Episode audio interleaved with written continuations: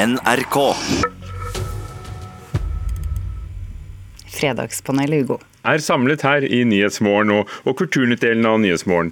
Vi begynner i Sør-Vest. Arnfinn Bjerkestrand, kultursjef i Stavanger, god morgen. God morgen og godt ut herfra. Cecilie Asker, kulturredaktør i Aftenposten. God morgen. Guri Itzeviken, spaltist og skribent, hei. Hei, god morgen. Kvinner er tydeligvis blitt mye morsommere på ett år, fordi i år er langt flere nominert til Humorprisen. Den deles ut i kveld. I fjor fikk prisen veldig mye kritikk for at eh, ingen kvinner vant priser, og det var veldig få kvinner som var nominert. Ganske kjent ble det da Sigrid Bonde Tusvik forlot utdelingen i protest.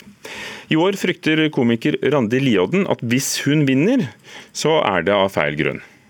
Så det er jo selvfølgelig litt sånn at i år så vil jo kanskje denne prisen på en måte bety litt mindre. Så jeg føler kanskje at det, det er litt kvotert til meg hvis det er jeg som vinner. Har hun grunn til å føle seg kvotert, Guri Idsøviken? Ja Cecilie Asker?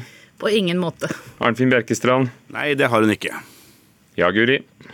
eh, Altså, jeg tenker jo at de helt sikkert har lagt vekt på å nominere noen kvinner i år, og at de har lagt seg litt i selen for å gjøre det. Og Det handler jo ikke om hvorvidt hun er morsommere enn, eh, eller mindre morsom enn andre, men det handler kanskje litt om hva vi har lært oss at er de beste komikerne. Kanskje har vi vent oss til at det er flere menn enn en damer. Så må man prøve å, å liksom legge litt vekt på å få noen kvinner. Det er en typisk kvoteringsproblem hver gang. Smaker det ikke av kvotering når det var nesten ingen i fjor, og veldig mange i år, og så var det mye kritikk imellom? Dette er jo en veldig ny pris, da, så jeg tenker at eh, de får, de, har, de, det var noen feilskjær i fjor. øh, Men nå så har de tatt noen grep, og Randi Lioden er kanskje en av de morsomste Instagram-kontoene i Norge. Så hvis hun vinner, så kan hun bare senke skuldrene og tenke at den prisen har jeg fortjent. Og jeg er enig med dere. Altså, kvotering er nødvendig. Vi må sette folk i bane og skape oppmerksomhet. Kjønn, altså Kvalitet kjenner ikke kjønn, men de kjenner rammevilkår. Så her tenker jeg at de har tatt et grep, og vi er godt i gang. Alle som skal skifte Du sier bane at, at hun, hun er nærmest kvotert inn, da, hvis hun vinner, Nei, eller jeg- altså kvinner som vinner i år? Nei, jeg sier ikke at kvoter til, men jeg sier at vi trenger å ha større oppmerksomhet for å få en bredde og mangfold i kulturlivet. Og det er det som har skjedd. Og jeg, men når jeg, Ikke bare spesielt denne saken, men jeg er ikke så mot kvotering. Jeg tror det er nødvendig noen ganger. Fordi at eh, vi må skape bredde i, i, i hele kulturlivet. Så jeg er for kvotering, men jeg ser at det er en relativt tapt sak for mange. Jeg er jo enig i det, og jeg tenker jo at eh, det er litt sånn egoistisk å være sur på en pris fordi man føler seg kvotert. Kvotering er jo på vegne av mange, ikke på vegne av den ene personen. Det er bra at man jobber med kvotering på vegne av alle de kvinnene som kommer etter en. Denne debatten har vi jo hatt i musikkbransjen også. Eh, Det skjedde for noen år siden. Eh, Nå har det gått seg til, og jeg tenker jo det at hvis Sigrid eller Susanne Sundfør blir årets eh, Spellemann i år, så er det ingen som kommer til å tenke at den prisen er kvotert til en kvinne. Så det er ikke sånn at, at også humormiljøet bør ha beste kvinnelige eh, humorist og beste mannlige humorist, altså? Det kan jo hende det er nødvendig, da. Hvis det bare er menn, så kan det hende at det er nødvendig en periode for å få frem flere kvinner, tenker jeg. Jeg hørte du pustet, eh, Bjerkestrand. Ja, det gjør jeg jo alltid, vet du. Men eh, det er alltid litt på innpust. Nei, jeg tenker at, det, at vi må bruke de tiltak som er. Vi vet at rammevilkår er ulike innenfor, eh, innenfor kjønnene våre, og det er vi nødt til å se på. Og om kvotering er, er en, en middel og en måte å gjøre det på, eller ulike priser, så, så gjør vi det. Men så går det seg til. og altså, Talent har ingenting med kjønn å gjøre. Talent har ofte med rammevilkår å gjøre for å komme seg frem her i verden. Og det er jo opplagt at eh, når åtte priser går til menn, og ingen priser går til kvinner, så, så speiler jo ikke det Humor-Norge. Det er jo ikke sånn at det er kun menn som er de morsomste i Norge. Hvem ler dere mest, da? Menn eller kvinner? Jeg ler av begge deler, men eh, på Instagram så må jeg jo si at jeg ler av Randi Lioden da. Jeg lærer også mye av kvinner. Og jeg tror jo at kvinner lærer av kvinner, og menn lærer menn. fordi det handler jo litt om å bli truffet òg. Så der er jo også et poeng. Hvis det sitter mange menn i juryen, så må de kanskje tvinges litt til å, å innse hvor morsomme en del kvinner er. Jeg forsøker å le så godt jeg bare kan, og så mye og ofte jeg bare kan.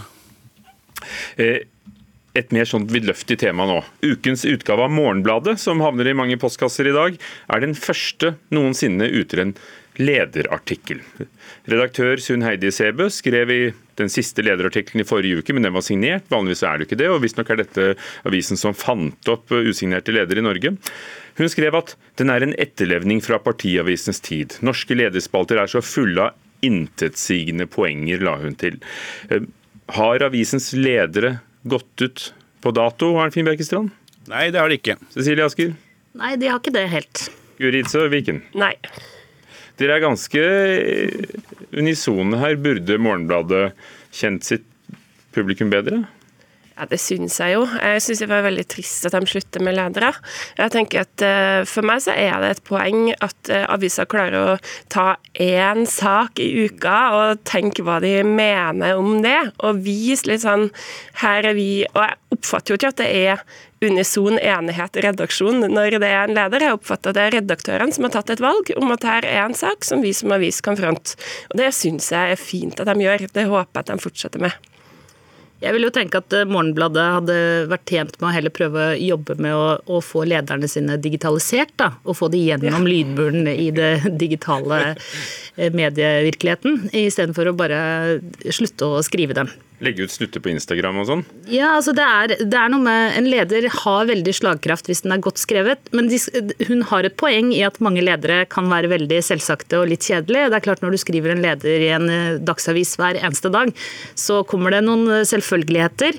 Men når du har én avis i uken, så bør eh, avisen kunne klare å eh, presse ut en både godt skrevet og skarp leder. Bjerkestrand? Ja, jeg tenner jo lys for kulturjournalister eh, hver eneste dag. Eh, det er helt nødvendig. og jeg tenker det at eh, Kulturjournalistikken og journalistikken trenger ledere. Trenger at noen skriver ledere. Det er en form som er, er er veldig veldig bra, tenker jeg. Og, og alt for god trening både for den som skriver og den som leser. Jeg tenker Ethvert menighetsblad holder jo seg med en leder. Så dette, dette tenker jeg appellerer til å snu. Eh, leder er en viktig institusjon tenker jeg, i journalistikken, og avgjørende viktig for at vi skal holde liv i journalistikken. og Det er derfor noen av oss tenner lys for nettopp dette. Cecilie Asker, hyggelig å vite at noen tenner lys for kulturjournalister hver dag. Ja, det er svært viktig. Det er svært viktig. Som medlem av redaktørkollegiet i Aftenposten, har du, har du skrevet noen? Jeg har ikke skrevet ledere, men jeg har skrevet mange arenakommentarer. Det har jeg gjort. Natt og Dag hadde jo en oversikt. Apropos dette med intetsigende kommentarer. Beklager, jeg bringer det på bane, men det gjelder jo Aftenposten. Da, så da, da, er det jo her, hvis du mener noe om det, uh, intetsigende ledere. Uh, topp 29 eh, selvsagte ledere fra Aftenposten. Aftenposten mener debatten om returnerende IS-krigere må være faktabasert. Trump må ikke la seg lure av Putin. Trump kan roe ned eller piske opp. Og Venezuela må få et fredelig maktskifte. Og jeg er helt enig i at ledere kan ofte være ganske selvfølgelige og litt eh, kanskje å, sparke inn åpne dører. Men eh, samtidig så har det jo en enorm effekt de gangene hvor man kan snakke med en felles stemme. Da, som f.eks. Eh, New York Times som støtta Hillary Clinton på lederplass. Altså det, var jo, det var et skifte i USA. Nå ble hun riktignok ikke valgt, da.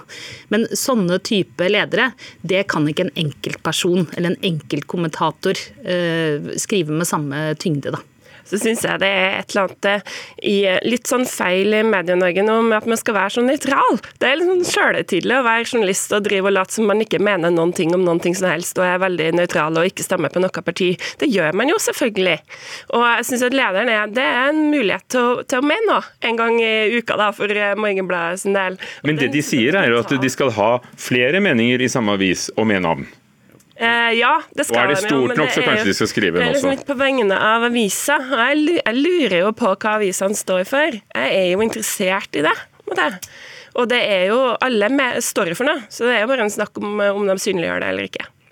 Og da får vi tåle noen selvfølgeligheter en gang iblant, Bjerkestrand? Ja, det må vi tåle. Jeg tenker at Det at det kan være en eller annen dårlig leder innimellom, det gjør jo ikke det at, eh, at du skal fjerne den helt. Det er helt avgjørende viktig tenker jeg, at man har en god, god lederartikkel. Det, det, det, det, mener jeg. jeg det mener du? Det står du for?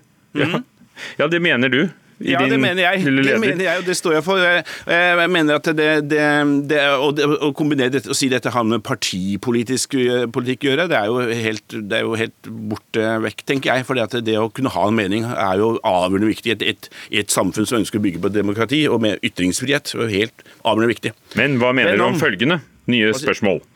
Koffeinbrusen Red Bull har tidligere kjøpt opp fotballag, sådd splid i det norske alpinistmiljøet og Skiforbundet, og nå skal Red Bull sponse Det Norske Opera og Ballett, eller som det heter på det språket, bli samarbeidspartner. En avtale som strekker seg over fem år. Det innebærer eh, først og fremst en klippestupkonkurranse fra det hvite marmortaket på Operaen i Bjørvika i Oslo, men etter hvert eh, en langsiktig plan og mange andre ting som operaen ennå ikke vil si hva er, og et sekssifret beløp. Er Red Bull den perfekte sponsoren av operaen og Nasjonalballetten? Cecilie Asker? Ja, det kan godt være. Guri Itseviken? Nei. Arnfinn Bjerkestrand? Nei, det er det ikke. Du er jo sjef øh, for kulturen i Stavanger kommune. Ville ikke du takket ja til noe sånt? Dere har jo et flott hvitt bygg, dere òg? Jo da, altså, for å si det sånn eh, At man har samarbeidspartnere også på kommersielle siden er jo, kommersielle siden er jo viktig. Men Operaen har altså da, er nokså full av, av, kulturstøtte. og Vi må være uhyre forsiktige her i Norge, sånn at vi kan beholde den kulturstøtta som en markedskorrigering. Og Jeg minner om saker som f.eks. Kilden og sammen konserthus i forhold til moms. Så jeg, jeg vil jeg, vil, jeg syns nok dette er å gå litt langt i forhold til å, å, å komme seg i seng med, med, kommersielle aktører. Men vi får se ja, for hvordan det går. Spørsmålet hvorvidt det var kommersielt eller ikke kommersielt når man skal betale moms eller ikke på utleie av lokaler. Ikke sant? Jo. Ja, og vi, og vi, begrunner jo kulturstøtte fordi at det er sviktende marked. Og når man henvender seg til et marked på den måten som operaen gjør her og så vil jeg si at det, altså, De får innføre stage-diving i operaen, da, altså hvis det er stuping dette handler om. Men, men spar, spar på konfekten nå, Cecilie Asker. Er det noe annerledes enn om ja, en bank som tidligere har samarbeidet med Operaen, eller Obo som fortsatt gjør det? Eller Nasjonalmuseet som uh, samarbeider med rike arvinger, f.eks. Jeg tror uh, samarbeid med kommersielle aktører handler først, om, først og fremst om hva uh, innholdet av avtalen er, og ikke minst hva slags rammevilkår det er. Man skal ikke overlate styringsrett eller på en måte retten til å bestemme innhold til kommersielle aktører. Jeg vet for lite om denne avtalen her til å kunne uttale meg sånn prinsipielt, men Red Bull er jo en aktør som har vært i musikkmarkedet lenge. De har hatt Music Academy, de har hatt festivaler i over 20 år. Så det er ikke tilfeldig at de prøver å komme seg inn i nettopp musikk da, i Norge. Og konsert på Operataket mm. skal det bli, har det vært. Mm. Ja, Guri Itzuviken, kan det ikke bare hete Red Bull eh, opera og ballett, så kan de kanskje få enda mer penger? Nei, jeg syns jo ikke det. Og det, jeg syns jo en god sponsor, det handler jo litt om at man har litt lik profil. Man har litt lik eh, bilde av eh, seg sjøl i markedet. Og Operaen og Red Bull tenker jeg har veldig forskjellige profiler, også litt forskjellige tilhengere. Hva tenker du på når du tenker opera? Hva tenker du på når du tenker eh, koffeinbrus? Eh, når jeg tenker koffeinbrus, så tenker jeg på, på sønnen min og alle andre kids som eh, syns det er gøy å se på sånne stuppekonkurranser og som er opptatt av at det er litt spennende med koffeinbrus og, og sånn. Og de, jeg tror ikke de kommer til å bli så interessert i opera uansett, da. Jeg fikk litt assosiasjoner til Jeg noen, eh, hadde noen venner som akkurat var i Aten og så en sånn derre kinky opera strippeklubb. Jeg fikk litt sånn assosiasjoner til det, må jeg innrømme. Altså, men bare min, min, bekymring er kanskje ikke først og fremst enkeltaktører på sponsormarkedet, men det er hvis vi går for langt i forhold til å henvende til markedet når vi har en kulturstøtte som vi får lov til å holde på med i dette landet, om det er pressestøtte eller innkjøpsordninger av ulike slag, fordi at vi har et lite marked. Det er der jeg, vi må være utrolig forsiktige, tenker jeg. Ellers så mister vi anledningen til å gi kulturstøtte til de som trenger det for, som markedskorreksjon. Jeg tror at vi kommer til å se flere av denne type avtaler fremover. Eh, men det viktigste er at vi holder eh, bestemmelsesretten eh, på riktig sted hos de riktige aktører. Takk skal dere ha. Fredagspanel, Cecilie Asker, kulturartør i Aftenposten, Arnfinn Bjerkestrand, kultursjef i Stavanger, og Guri Idsø Viken, spaltist og skribent, blant mye annet.